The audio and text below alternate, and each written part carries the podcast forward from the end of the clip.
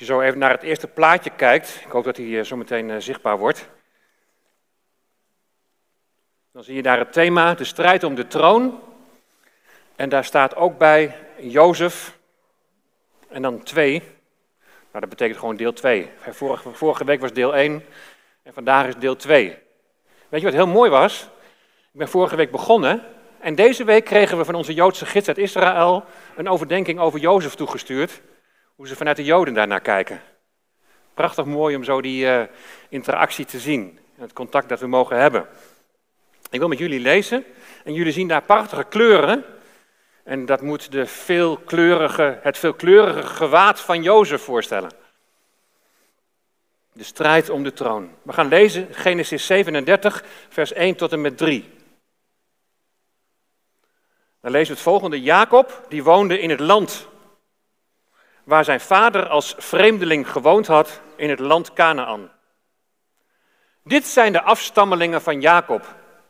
Jozef, 17 jaar oud, hoede gewoonlijk met het kleinvee met zijn broers. Hij was een jonge man met de zonen van Bilha en de zonen van Zilpa, de vrouwen van zijn vader. En Jozef bracht het kwade gerucht over, aan, over hen aan hun vader over. Israël had Jozef meer lief dan al zijn andere zonen, want hij was voor hem een zoon van zijn ouderdom. Ook liet hij een veelkleurig gewaad voor hem maken. Tot zover. Kijk je ook wel eens naar een film die je wel eens eerder hebt gezien? Of misschien zelfs wel vaker. Je kent de hoofdrolspelers. Je kent het verhaal. Je weet zo'n beetje wat er gaat gebeuren. En toch op de een of andere manier blijft het steeds weer boeien. Heb je zoiets ook niet met het verhaal van Jozef? Heel veel is voorspelbaar, omdat je waarschijnlijk het verhaal wel kent. Maar iedere keer ontdek je toch weer nieuwe details. Nou, en ik hoop dat je de film van Jozef, dat je die zo ook de komende tijd zult gaan beleven. Laat zei iemand tegen mij, het is een echte tranentrekker. Het is een eindgoed, algoed film. Dieptepunten, hoogtepunten, emotionele momenten, spanning, alles zit erin. En van tijd tot tijd zul je misschien jezelf herkennen. Of een situatie van jezelf herkennen. En dat je misschien iets mag leren van hoe zou je daar nou in jouw situatie mee om kunnen gaan. In welke context moeten we deze prachtige film nu eigenlijk plaatsen? Dan laten we eerst maar eens kijken naar de familie van Jozef, de hoofdrolspeler. Wie is zijn vader, wie is zijn opa, wie is zijn overgrootvader? En dan hebben we het over de aartsvaders. Kijk maar, Abraham en Sarah, met hun zonen Ismaël en Isaac. En wie ontvangt de zegen van de eerstgeborene? De jongste, Isaac. Isaac en Rebecca. Met hun zonen Esau en Jacob. En wie ontvangt de zegen van de eerstgeborene? De jongste. Jacob. Jacob met Lea en Rachel, twee bruiden. En de twee bijvrouwen Bilha en Zilpa. Nou, hier zie je in volgorde de leeftijd van de kinderen van de vier vrouwen van Jacob. Nou, de meeste van jullie weten dat ik niet gelovig ben opgevoed, maar wel op een christelijke lagere school ben geweest. En daar moest ik die namen leren uit mijn hoofd. Ik ben ze nooit meer vergeten. Ruben, Simeon, Levi, Juda, Dan, Naphtali, Gad, Azer, Issachar, Zebulon, Jozef en Benjamin. Nou, mijn leerkracht van destijds zou trots op me zijn. Nou, onderaan zie je dus Jozef en Benjamin, onderaan de geslachtslijn. Wie krijgt de zegen van de eerstgeborene? Niet de allerjongste, maar het is wel de elfde in de rij. En zo is de Heere God. Hij ziet op het geringe. Hij ziet op het kleine. Hij ziet op het achtergestelde. Jozef. Een bijzondere film. Een film als onderdeel van, van een groter geheel. En in dit geval Jozef natuurlijk het onderdeel van het Bijbelboek Genesis. En Genesis bestaat uit tien afleveringen. En je kunt precies zien waar de volgende aflevering begint. In Genesis vind je tien keer dat woordje, het Hebreeuwse woord toledot. En toledot betekent geschiedenis van. Geslachtsregister of nakomelingen van. Nou, hier zie je die tien afleveringen zie je daar staan. Bijvoorbeeld in hoofdstuk 2, vers 4, Toledot, dat betekent de, de geschiedenis van de hemel en de aarde. Maar daarna begint het geslacht van Adam en dan van Noach enzovoorts enzovoorts. En dan kom je helemaal aan het eind, kom je bij Esau en Jacob. Jacob, de vader van Jozef. Tussen die twee, Esau en Jacob, zie je een strijd die al in de moederschoot begon. De kinderen stoten in haar lichaam tegen elkaar. Toen zei zij, als dit zo is, waarom overkomt mij dit? En ze ging de Heere raadplegen. En de Heere zei toen tegen haar, er zijn twee volken in uw schoot. En twee naties zullen uit uw lichaam van één scheiden. Het ene volk zal sterker zijn dan het andere en de meerdere zal de mindere dienen. Twee volken. En de meerdere zal de mindere dienen. Zie je weer dat principe, God ziet op het geringe. De eerstgeborene Esau zal zijn jongere broer Jacob dienen. Ze staan voor twee volken. Esau staat voor Edom. Kun je lezen, heel Genesis 36 gaat over, gaat over, gaat over Esau. En in vers 1 staat, Esau staat voor Edom. En Jacob is de stamvader van Israël. Dus Edom zal Israël dienen. Esau, waarschijnlijk ken je dat verhaal, hij verkocht zijn eerstgeboorterecht aan Jacob voor een bord soep. En daarna ontfutselt Jacob hem de zegen van zijn vader. In de zegen die Jacob dan nog over heeft voor Esau, dan zegt hij onder andere: Je zult dienstbaar zijn aan je broer. Dus er ontstond een strijd tussen Jacob en Esau. En die strijd heeft daarna in de geschiedenis van Israël voortdurend een rol gespeeld. Maar dan volgt in Genesis 37 het verhaal van Jozef. En als hij uiteindelijk helemaal aan het eind zijn broers in de armen sluit, dan is dat een soort van cliffhanger. Je wilt weten, hoe gaat het daarna dan verder? Jozef, onderdeel van Genesis, maar het verhaal van God gaat verder in Exodus, enzovoorts, enzovoorts. En tot de geboorte van de Heer Jezus zie je dan dat er voortdurend strijd is tussen Esau en Jacob. Een voortdurende strijd tussen Edom en Israël. En het is ten diepste is het een geestelijke strijd. Een strijd om de troon. Waarbij je via de lijn van Jacob bij Jezus de Messias uitkomt. In Exodus, ik zal het even heel, heel kort even schetsen. In Exodus, daar komt op een gegeven moment een farao die Jozef niet heeft gekend. En dan wordt het volk wordt onderdrukt in slavernij. Onder leiding van Mozes en Aaron mag het volk op een gegeven moment op weg gaan naar het beloofde land. Maar ze zijn nog maar net bevrijd uit Egypte. En wie zet hun dan een voet dwars? Amalek. Amalek is de kleinzoon van Esau. Ze zijn nog maar net ontsnapt. En dan krijgen ze al tegenstand van een nakomeling van Esau. Strijd tussen Esau en Jacob.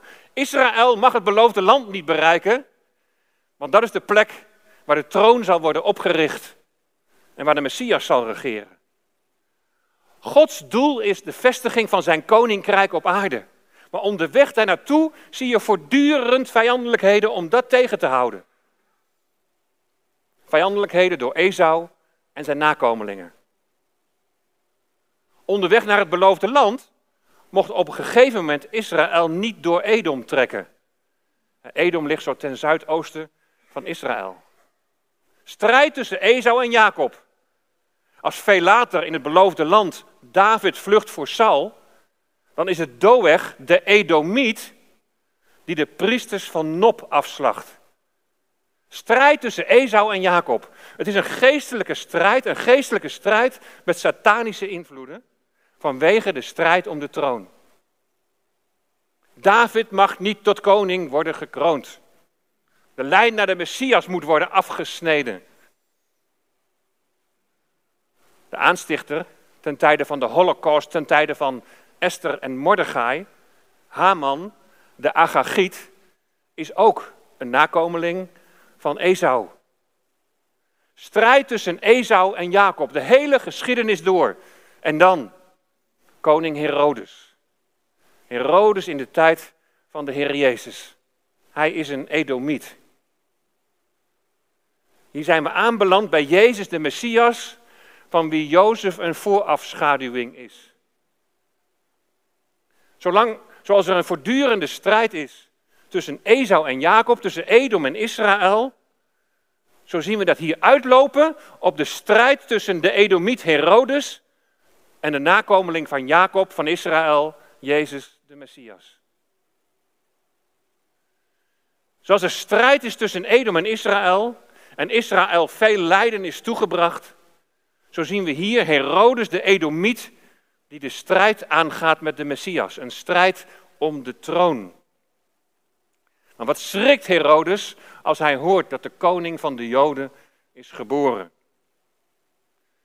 De Messias die is gekomen om de verloren schapen van het huis van Israël te redden. De Messias komt voor zijn volk. Tussen die twee is sprake van een bijzondere eenheid. Tussen de Messias en zijn volk. Die eenheid zal ik eerst laten zien vanuit waar we nu zijn aanbeland. De geboorte van de Heer Jezus. En dan vervolgens gaan we weer 1700 jaar terug naar Genesis 37. En daar zien we diezelfde eenheid tussen de Messias en zijn volk. En in beide situaties staat Jozef centraal. Jozef, de man van Maria, en Jozef, de zoon van Jacob. En er zijn best wel wat overeenkomsten tussen die twee, die beide Jozef. Hun beide vaders heten bijvoorbeeld Jacob. Beide ontvangen dromen van God. Beide moesten naar Egypte. Maar beide worden ook vroom en rechtvaardig genoemd. We zullen nog zien dat ondanks de tragedie van het verkocht worden door zijn broers, dat dit, dit de voorbestemde weg was van Jozef om tot zijn bestemming te komen. Dat de andere Jozef met Maria en hun pasgeboren kindje moesten vluchten voor Herodes, de Edomiet, de kindermoordenaar, was ook een tragedie. Maar ook dit had te maken met het tot zijn bestemming laten komen van het leven en de bediening niet van Jozef, maar van de Heer Jezus. Want op deze manier, door die vlucht naar Egypte, gaat een profetie gaat in vervulling. En Matthäus 2, daar staat het volgende. Hij, Jozef, stond dan op, nam het kind en zijn moeder Maria in de nacht met zich mee en ze vertrokken naar Egypte. En hij bleef daar tot de dood van Herodes, opdat vervuld werd wat door de Heere gesproken is door de profeet. Uit Egypte heb ik mijn zoon geroepen. De profeet die gesproken heeft is Hosea. Nou, als we deze woorden van deze profeet opzoeken, dan lezen we in Hosea 11, vers 1. Als Israël, nee, dit is de volgende al, de vorige nog graag, ja, precies. Als Israël een kind was, toen heb ik hem lief gehad en ik heb mijn zoon uit Egypte geroepen. Nou, als je goed kijkt naar dit vers in Hosea 11, dan zie je dat het draait om het volk Israël. Als Israël een kind was. Op het eerste gezicht zou je hier dan ook niet meteen een profetie over de Messias in herkennen. En toch verwijst Matthäus, die verwijst naar deze tekst. En hij zegt dat deze is vervuld toen Jozef en Maria en hun kind Jezus uit Egypte terugkeerden. Hosea spreekt over het volk, Matthäus spreekt over het kind. En dat bedoel ik met de eenheid tussen het volk en de Messias. De Messias belichaamt als het ware het volk. Hij draagt het volk als het ware in zich. De hoge priester, die droeg een borstschild. Een borstschild met twaalf stenen die de twaalf stammen van Israël zo voorstelden. En wanneer dan de hoge priester het heilige der heiligen binnenging, dan bracht hij zo de twaalf stammen met zich mee. Hij was als het ware de twaalf stammen. Hij belichaamde de twaalf stammen. De aardse hoge priester belichaamde het volk Israël, zoals de Messias, de hemelse hoge priester, zijn volk belichaamt. Nou zijn er veel meer voorbeelden dat volk en Messias als een eenheid worden beschouwd. En dan gaan we terug naar die andere Jozef, 1700 jaar terug. Die eenheid tussen volk en Messias kun je ook afleiden, namelijk uit Genesis 37, vers 2. En die Toledot die begint wel heel bijzonder. Er staat namelijk, dit zijn de afstammelingen van Jacob. Jozef. Voor afstammelingen kun je ook lezen de geschiedenis van. Dit is de geschiedenis van Jacob. Jacob is de stamvader van Israël. Dus dit is de geschiedenis van Israël. En dan staat er direct Jozef. Je zou met andere woorden kunnen zeggen, de geschiedenis van Jacob, de geschiedenis van Israël is Jozef. Het draait allemaal om Jozef. Zijn broers die worden hier in eerste instantie helemaal niet genoemd. Als je aan zijn broers zou vragen waar het allemaal om draaide, dan zouden ze bevestigend beantwoorden. Ja, inderdaad, het draait allemaal om die Jozef. Het lievelingetje van onze vader. Het is Jozef voor en Jozef na. Ze worden er doodziek van. Is ook wel enigszins te begrijpen. Hij wordt in alles voorgetrokken. Misschien ken je dat wel. Je broer of zus, die wordt altijd voorgetrokken. Het doet iets met je. Dan krijg je gefrustreerde kinderen die zich gaan afreageren op het lievelingetje. Nou ja, misschien niet direct in de put gooien en verkopen aan een slavenkaravaan, maar toch. Die voortrekkerij doet ook iets met het lievelingetje. Dan krijg je verwende kinderen van die zich boven de ander gaan verheffen. Hij gaat klikken over zijn broers bij zijn vader. Hij wil wel even laten zien dat het geen wonder is dat hij het lievelingetje van zijn vader is. Hij is braaf en moet je eens zien wat zijn broers allemaal uithalen. En dan die dromen, hè, dat komt allemaal later nog wel, maar zijn broers die voor hem moeten buigen. Hij haalt ze het bloed onder de nagels weg. Dat is ongeveer wat we hier zien gebeuren in het verhaal van Jozef. Jozef wordt door zijn broers in de put gegooid, ze verkopen hem en zo wordt hij afgevoerd naar Egypte. En misschien denk je wel, je eigen schuld, dikke bult, hou je dan ook een beetje in, Jozef? Voel je dan niet aan dat je je broers helemaal gek van je worden? Misschien denk je zelf ook wel, als je, als je dit zo even oppervlakkig leest, best wel een irritant ventje die Jozef. Maar ja, ventje, hij is, hij is al 17 jaar. En dat voortrekken was vader Jacob trouwens ook niet helemaal vreemd. Zijn moeder Rebecca, de oma van Jozef, die kon er ook wat van. Ze gaat zelfs zo ver dat ze haar man belazert om er maar voor te zorgen dat haar lieveling, Jacob, de zegen van de eerstgeborene krijgt ten koste van Esau. Er zijn van die dingen die gaan in de generaties gaan die door. Waar je mee omgaat, daar word je mee besmet. we hebben het al gezien, dat het een blijvende strijd en ellende oplevert tussen Esau en Jacob. Dus op het eerste gezicht komt Jozef misschien niet zo sympathiek over en valt zijn vader Jacob qua opvoeding het een en ander te verwijten. Toch staan we hier aan het begin van een hele bijzondere geschiedenis. Een geschiedenis die heel bepalend is voor het volk Israël.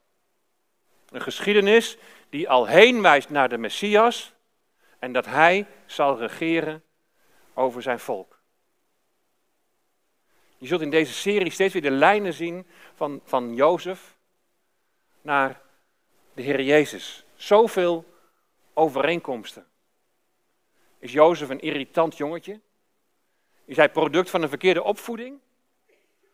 Of kijken we dan toch wat te oppervlakkig naar, naar de versen die we hebben gelezen? Die Toledot in vers 2 geeft ons al een vergezicht naar de Messias en hoe die, hoe die verweven is met zijn volk. Dit zijn de afstammelingen van. Dit is de geschiedenis van Jacob, Israël. Jozef, 17 jaar oud.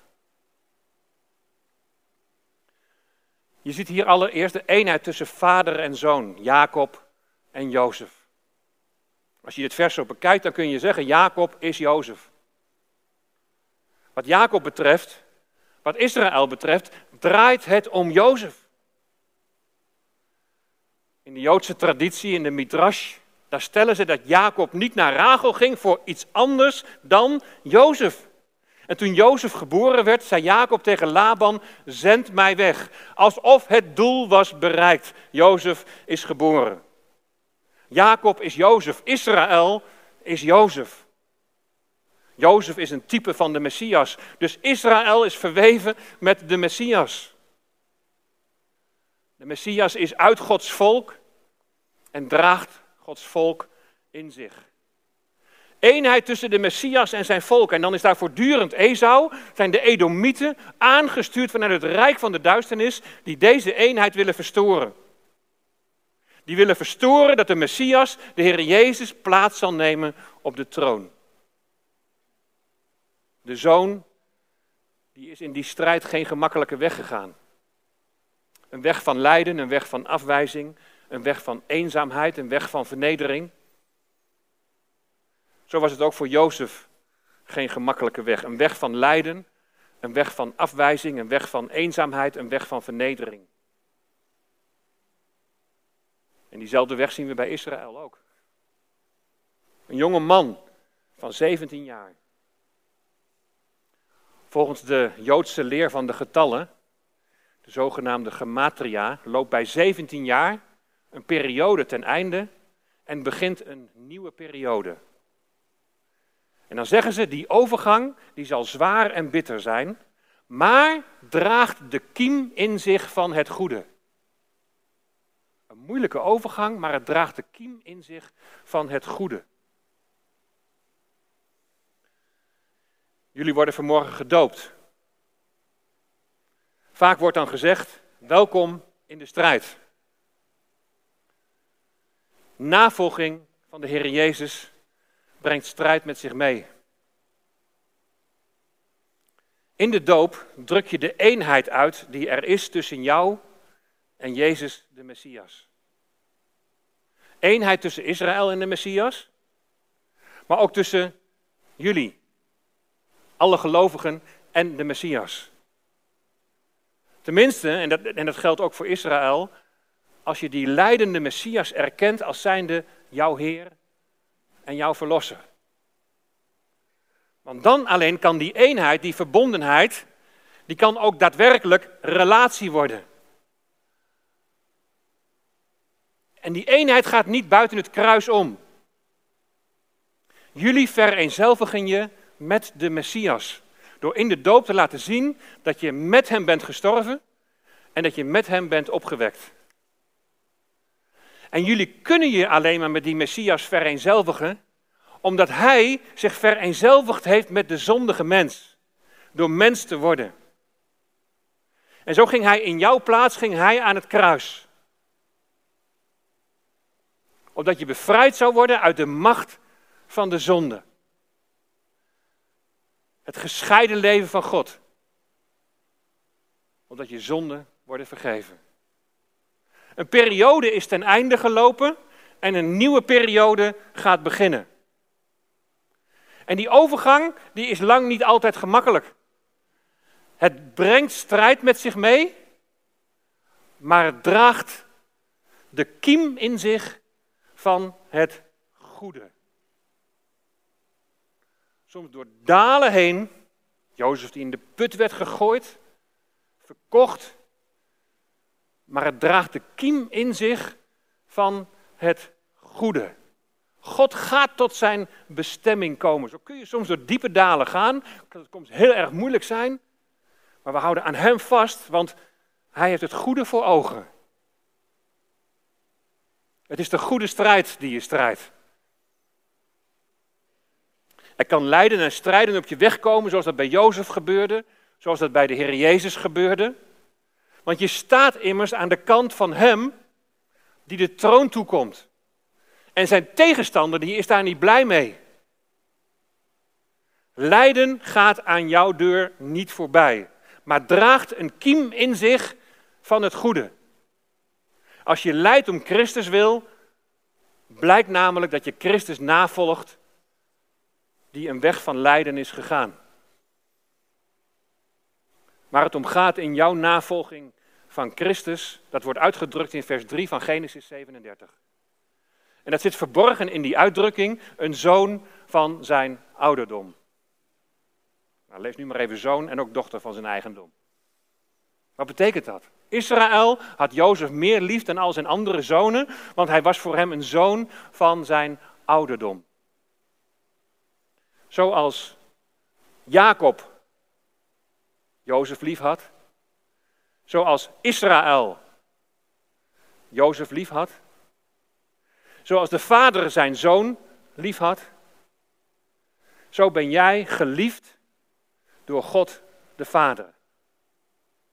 Je bent geliefd door de Vader in jouw één zijn met de Zoon. Want God de Vader die ziet jou aan op dit moment in zijn Zoon. Hoe am I? Je hebt er zelf niks aan kunnen verdienen. Ik kwam heel duidelijk in het lied naar voren. Maar het is om wie Hij is. Zijn liefde, zijn genade. Maar wat betekent het dan dat Jozef een, een, een zoon van Jacobs ouderdom is? Nou, er is een uitleg die zegt het als volgt. Die zegt, je moet het als volgt vertalen. Israël had Jozef meer lief, dat is de vorige volgens mij, de vorige dia. Israël had Jozef meer lief dan al zijn andere zonen, want hij zag de luister van zijn voorkomen. Met andere woorden, Jacob zag zijn schoonheid terug in Jozef. Er is het testament van Jozef, zoals je hier kunt zien. En daar staat het volgende. God gaf mij ook schoonheid, zegt, ja, zegt Jozef, als van een bloem. Meer dan hen die deze schoonheid bezitten in Israël. Hij behield kracht en schoonheid voor mij tot op hoge leeftijd. In elk opzicht was ik zoals Jacob. Het is alsof je hier de beschrijving ziet van die ongelooflijke, unieke, liefdevolle eenheid die er is tussen God de Vader en God de Zoon. In Hebreeën 1 daar staat dat de Zoon de afstraling is van Gods heerlijkheid, de afdruk van zijn wezen. Jezus liet de Vader zien. Wie mij gezien heeft, die heeft de Vader gezien. Jozef liet in zijn leven zien wie de Vader is, vader Jacob. In elk opzicht was ik zo als Jacob, staat in Jozefs testament. De Heer Jezus laat zien in zijn doen en laten wie de Vader is. Wie mij gezien heeft, heeft de Vader gezien. Hij is de zoon van zijn ouderdom. De Vader die ziet zijn schoonheid terug in zijn zoon. De weg die jullie na je doop mogen bewandelen, is het zijn van een zoon en in jullie geval het zijn van een dochter van zijn ouderdom. Dat betekent allereerst dat de Vader de schoonheid van de Heer Jezus in jou ziet, omdat jij één geworden bent met Hem. Rein, schoongewassen. Maar dat betekent ook dat het jouw doel en dat het jouw verlangen is dat mensen om jou heen iets van de Heer Jezus in jullie zullen zien.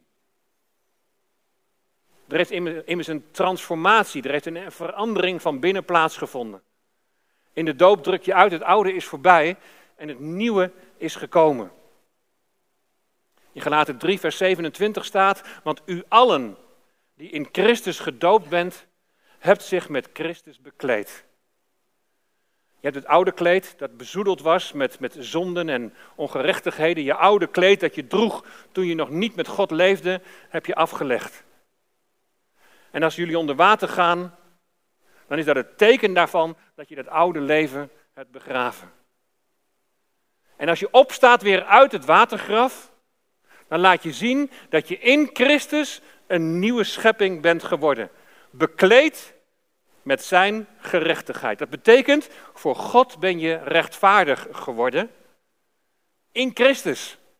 door jouw eenwording met de Messias. Zoals Jozef van zijn vader een veelkleurig gewaad kreeg, een pronkgewaad. Het was een gewaad eigenlijk voor prinsen en het was een teken van eer en van adeldom. Zo kreeg de Heer Jezus een oude purperen mantel om, een rood scharlaken mantel. Dat bepaalt hij bij vergeving van zonden. In Jezaja 1 vers 18 staat, al waren uw zonden als scharlaken, ze zullen wit worden als sneeuw.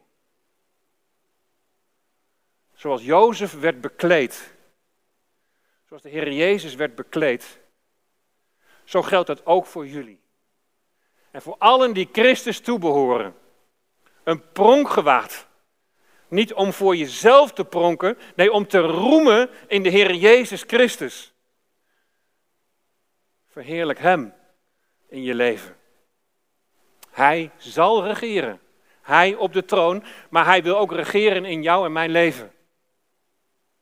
Hij op de troon van je leven. En jij één met Hem. En neem dit verder in je verdere leven mee. En ik heb uh, drie nieuwe toledotten bedacht. Dit is de geschiedenis van Danielle. Jezus. En dit is de geschiedenis van Rebecca. Jezus. En dit is de geschiedenis van Faribos. Jezus. Heb je ook je eigen naam al ingevuld? Laat in je leven zien dat het alleen maar draait om Hem. En deel van Zijn liefde en van Zijn genade uit. Laat zien in woord en daad dat je Christus toebehoort. Dat je nauw verweven bent met Hem. Hij, de Messias, nauw verweven met zijn volk. Hij, de Messias, nauw verweven met jij, met jou en mij. Allen die in Hem geloven. En als je gelooft dat Hij voor jouw zonden is gestorven, dat Hij zijn leven voor jou heeft gegeven, en dat Hij in zijn opstanding ook jouw nieuw leven heeft gegeven, dan mag je je nauw verbonden weten met Hem en mag je weten dat de Heere God ons nu aanziet in zijn Zoon. Dit is de geschiedenis van Jacob, van Israël, Jozef. O Heer, neem de bedekking weg en laat zien dat u Heer Jezus de Messias bent wij nauw verweven met Hem. En, en als dat beide zo is, dan kan het ook niet anders dan dat wij nauw verweven zijn met Israël. Dat wij Gods volk lief hebben. Dat we voor Hem bidden. Dat we bidden voor de vrede van Jeruzalem. Dat we bidden dat zij de vredevorst mogen leren kennen. Maar ken jij die vredevorst al? Het is weer een tijd van kerst en dan zingen we over vrede. Vrede op aarde die ver te zoeken is. Maar die vrede in je hart kun je nu al krijgen door Jezus te aanvaarden als jouw Messias, als jouw redder, als jouw verlosser. En dat jullie dat hebben gedaan, daarvan mogen we zo meteen horen, maar mogen we ook zien in de doop.